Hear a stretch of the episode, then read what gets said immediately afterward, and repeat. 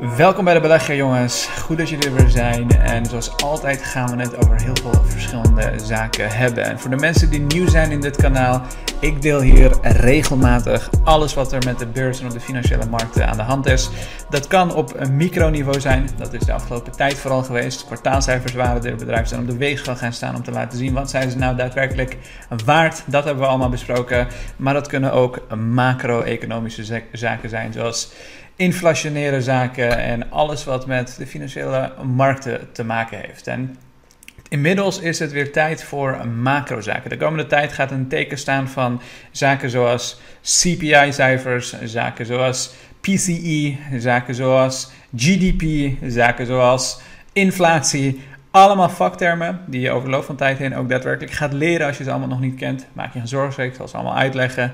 Dat gaan we allemaal behandelen, want dat worden cijfers die de komende op zijn minst twee maanden, vind ik, belangrijk gaan worden. En de reden dat ze belangrijk gaan worden is omdat ze ons een beeld geven bij hoe de wereld zich gaat um, uh, ontwikkelen wanneer uh, we de, simpelweg de economie weer open gaan gooien. Wanneer we uit die COVID-pandemie zijn en een, een, nieuwe wereld, een nieuwe jaar instappen. 2022 komt er natuurlijk ook over een, een, maand aan. En hoe gaan we het jaar dan daadwerkelijk afsluiten als we naar al die verschillende belangrijke economische graadmeters kijken? Dus vandaag Um, zijn er twee cijfers bekendgemaakt. Gisteren zaten we nog flink uh, in het uh, rood trouwens. Uh, inmiddels is dat weer gerecoverd, 8000 euro in de plus. En nogmaals, zoals ik zei, je wilt idealiter bedrijven hebben die heel veel verschillende soorten weersomstandigheden kunnen overleven. Dus bedrijven die en met inflatie mee kunnen stijgen. En want je, je moet onderaan de streep je je leven door heel veel verschillende uh, fases kunnen leiden. Uh, als er nou inflatie komt, als er heel veel pessimisme komt, als de markten dalen, als de markten omhoog gaan, je moet uiteindelijk toch over door al die verschillende scenario's moet je je leven kunnen leiden. Dus dan wil je ook idealiter bedrijven hebben die al die verschillende scenario's kunnen overleven. En je moet ook wel een beetje weten wat die verschillende scenario's dan, dan zijn die er spelen. En dat is wat ik probeer te doen met mijn kanaal om jullie mee te nemen in dat hele financiële wereld. En vandaag overigens ook een enorme uh, daling voor de euro. De dollar die neemt in waarde toe. En dat komt omdat er simpelweg minder geld geprint wordt. En de rentes gaan waarschijnlijk binnenkort weer omhoog. In Europa blijven we natuurlijk geld printen. En er zijn dus meer euro's in omloop. En de, de, de, de euro die daalt dus weer in waarde. Dus dat zorgt ook voor een flinke boost voor in ieder geval mensen die uh, euro's in hun uh, portefeuille hebben. Maar laten we even kijken naar welke cijfers vandaag bekend waren. De allereerste in de ochtend werd bekendgemaakt dat personal spending met 1,3% is gestegen. En als je denkt 1,3%, oh dat is laag, want inflatie is 4% of allerlei andere zaken zijn zoveel procent, dan moet je ook kijken en het in historisch context plaatsen. Historisch gezien is dit een van de beste cijfers in het afgelopen 30 jaar. Three decades. The fastest pace in three decades, jongens.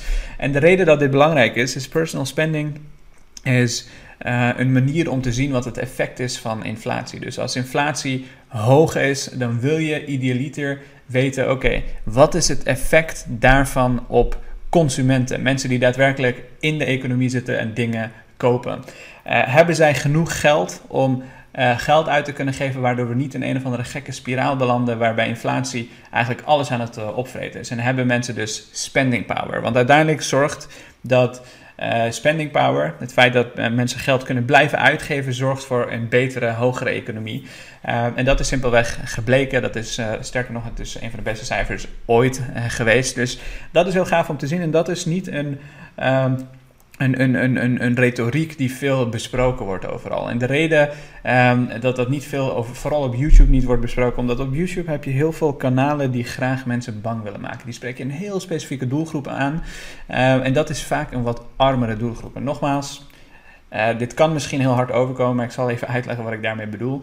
Um, de enige die echt hard wordt geraakt door een hoge inflatie zijn mensen die arm zijn. Mensen die een relatief laag besteedbaar, vrij besteedbaar inkomen hebben en die in de problemen kunnen raken als bijvoorbeeld hun energieprijs opeens met 15 of 20 procent uh, uh, stijgen. Die uh, bouwen vaak op allerlei toeslagen. Dus misschien moeten de toeslagen omhoog om aan al die verplichtingen en dergelijke te kunnen, kunnen komen. En het raakt armere mensen, omdat armere mensen vooral geen assets bezitten. Oftewel geen bezittingen bezitten die in waarde kunnen stijgen. Denk aan aandelen, denk aan ehm, eh, alle bezittingen die je kunt opnoemen. Vastgoed, denk aan uh, zoiets als um, commodities, zoals goud, zilvers, edelmetalen. Denk aan dingen zoals bitcoin en tegenwoordig alle verschillende soorten assets die je maar kunt voorstellen. Dat zijn assets die de meeste armere mensen niet bezitten. En de reden dat ik dat ook gewoon simpelweg op die manier hard kan zeggen dat inflatie eigenlijk alleen ergens voor arme mensen is. Ik ben zelf ook heel arm geweest. Ik heb gezien hoe een stijging van prijzen van 3, 4 procent echt een enorme klap op jezelf kan hebben. Voor de mensen die het niet weten, ik heb ik, uh, uh, ongeveer 20 jaar geleden, ik ben nu 30, kwamen mijn ouders als vluchtelingen naar Nederland. En we hebben dus echt letterlijk onder de armoedegrens geleefd. En ik zelf ook, uh, afhankelijk van hele kleine inkomen, die ver, ver, ver onder de armoedegrens was. Dus ik begrijp heel goed wat een uh, inflatie van 3, 4, 5 procent kan betekenen voor mensen die serieus arm zijn. Maar voor de meeste mensen, voor de meeste mensen die in de economie zitten, die een hele goede baan hebben, uh, die bepaalde vaardigheden hebben, goed geschoold zijn, en dat is een heel groot gedeelte van de economie, is goed geschoold, zitten in die middenklasse. Daar zal het niet een enorme ramp voor zijn. Die hebben goed besteedbaar, vrij besteedbaar inkomen. Uh, als je heel veel geld aan bier kan uitgeven, als je heel veel geld kan uitgeven aan onzin die je eigenlijk helemaal niet nodig hebt en die je toch koopt, dan heb je meer geld dan dat je denkt. En zullen dit soort kleine inflatiepercentages niet een heel groot effect uh, voor je hebben. Maar goed, een heel groot gedeelte van mensen die wat armer zijn, die zitten veel op YouTube en die worden aangetrokken om bijvoorbeeld assets zoals bitcoins en dergelijke te kopen. En dat is heel goed, want daarmee bouwen ze enigszins wat vermogen op. Maar het is wel een experimenteel is. En daarom word ik soms ook zo gek als ik zie dat mensen inflatie enorm opblazen. En doen alsof het iets, iets heel groots is en waar heel veel mensen bang voor moeten zijn en noem het maar op. Zodat ze daarna iemand bitcoin of een edelmetaal of dat soort zaken kunnen, uh, kunnen, kunnen verkopen. En dat is helemaal uiteindelijk, uiteindelijk moet iedereen zijn geld verdienen, maar het is wel een doelgroep die het al best wel moeilijk heeft, laat ik het zo zeggen. En naar mijn mening is de grootste en beste manier om je vermogen op te bouwen, is wetenschappelijk gezien, als je een goed gespreide wereldwijde ETF koopt en over de hele lange termijn, laten we zeggen 5, 10 of 15 jaar, een vermogen kan opbouwen waar je echt daadwerkelijk op kan bouwen. En die uh, je uh, welvaart brengt en die zorgt dat je als armere misschien veel meer Ehm, eh, boven een bepaalde welvaartsgrens eh, kan komen. Terwijl als je dat niet hebt, en je gaat eh, in principe je geld gokken in een experiment zoals Bitcoin, dan kun je, vooral als je in die hoek zit, die zich echt heel erg dus veel zorgen maakt over: kan ik morgen nog mijn energierekening iets dergelijks betalen? Ja, dan neem je gewoon een gokje met, met je toekomst. Dus uh, maar goed, dat wil ik even gezegd uh, hebben. Uh, maar dit is wel goed nieuws. Dat betekent dus dat er spending power is en dat de consument het eigenlijk niet zo heel erg meer, niet zo heel erg bijzonder veel boeit. Die blijven geld uitgeven en dat is ook waar geld naartoe gaat, jongens. als je kijkt naar hoe bedrijven gepresteerd hebben, laten we even kijken naar bijvoorbeeld de Nasdaq. Ik weet niet waarom die niet werkt, maar laten we even kijken naar de S&P. Wat je vooral ziet zijn bedrijven die in de retailsector zitten, die hebben het best moeilijk vandaag, man. Uh, mannen. uh, Gap, een uh, bedrijf die kleding verkoopt, Tapestry, Best Buy, zo kun je ze blijven noemen. Nordstrom, die is vandaag ook met 24% gezakt. Het zijn allemaal retailers die kleding verkopen, die, die allerlei verschillende dingen verkopen. Die hebben het gewoon belachelijk moeilijk. Die hebben ook kwartaalcijfers gerapporteerd deze week. En die, die zien hun marges dalen, die zien vrijwel alles wat je kunt voorstellen, zien ze dalen. Hun winsten zien ze dalen. Uh, heeft veel met natuurlijk de, de, de onzekerheden te maken met de toeleveringsketen en dergelijke. Maar ook de shift naar online. Heel veel online bedrijven die profiteren daarvan. En het geld gaat de komende tijd, in ieder geval als je even korte termijn moet gaan speculeren. Het geld gaat vooral naar bedrijven die gaan profiteren van die consumer spending. Oftewel van, van, van mensen die geld gaan uitgeven. Waar gaan ze het geld aan uitgeven? Over een paar dagen is er Black Friday en dan gaan consumenten geld uitgeven. Shopify, ik ben een bedrijf die ik al heel lang bezit, die heel lang in mijn portefeuille zit en waar ik heel veel geld mee verdient. Die zal, uh, en die doet dat elk jaar, die zal hun gross merchandise volume bekendmaken. Die hebben een website, daar laten ze zien hoeveel hun specifieke verkopers of mensen die daar een e-commerce bedrijf hebben, hoeveel geld er doorheen gaat. En dat is best wel interessant om te zien. Ik weet niet of ze dit jaar ook gaan doen, maar als ze het doen, dan uh, hou, ik hem, uh, hou ik hem in de gaten. Maar heel veel focus zit nu daarop in de markt. Bedrijven die daarvan kunnen, kunnen profiteren, die zullen het ook de komende tijd ook daadwerkelijk uh, goed gaan doen. Dus Laten we zien hoe dat zich gaat verlopen. Ook een ander cijfer die bekend is gemaakt op macro-economisch niveau zijn de GDP-cijfers. Um, ik zou je trouwens uitleggen wel wat uh, bepaalde zaken betekenen. Um, personal spending is, oh, dat heb ik natuurlijk al net even uitgelegd. Maar PCE, dat is even de afkorting die je moet onthouden. Dus PCE is Personal Consumption Expenditures. Dat is net wat anders dan CPI, dat is Consumer Price Index. Dat gaan we een andere keer behandelen wanneer het relevant is. Dat heb ik ook wel eens behandeld in het verleden. Maar onthoud even PCE. Voor de toekomst ook. Ik zal hem regelmatig namelijk behandelen als dit soort cijfers bekend worden. GDP, oftewel de bruto binnenlands product, in het Engels Gross Domestic Product. Dat is de totale som van alle uitvoer, oftewel de uitvoer van de totale som van alle goederen en diensten die zich in een land uh, ja, bevinden, laat ik het zo zeggen. En GDP is een vorm van de economie van een land uh, bepalen. Als je kijkt naar GDP van de VS, GDP van de VS, oftewel de bruto binnenlands product, zit op bijna 21.000 miljard. Oftewel 21 biljoen in het Nederlands. Um, dat is een van de hoogste, nou, vrijwel de hoogste in, ter wereld. China zit op 14.000 miljard, dus uh, ongeveer 7.000 miljard minder. En om je een vergelijking te geven, GDP van Nederland is niet eens 1000 miljard. Dus uh, best een klein landje. Om nog een vergelijking te geven, GDP van New York is twee keer zo groot. En dit, is, uh, dit zijn cijfers van 2019 uh, overigens. twee keer zo groot als de Nederlandse economie, oftewel de Nederlandse GDP. En GDP, die is dus ongeveer 2% gestegen. 2,1% eigenlijk. En dat laat eigenlijk voor het eerst zien dat we meer richting normale cijfers gaan. Hier, hiervoor zie je bijvoorbeeld hoe die GDP zich uh, ontwikkeld heeft over de loop van tijd heen. Um, dit vind ik eigenlijk een veel betere uh, chart. Je ziet GDP tijdens de um, uh, crisis, de COVID-crisis. En schop onder de kont krijgen, eigenlijk als er een soort bom explodeert onder, onder GDP. En het gaat keihard naar beneden door die COVID-pandemie. Daarna gaat het ook weer flink omhoog. En nu is het tijd om die stabilisering te gaan ontdekken.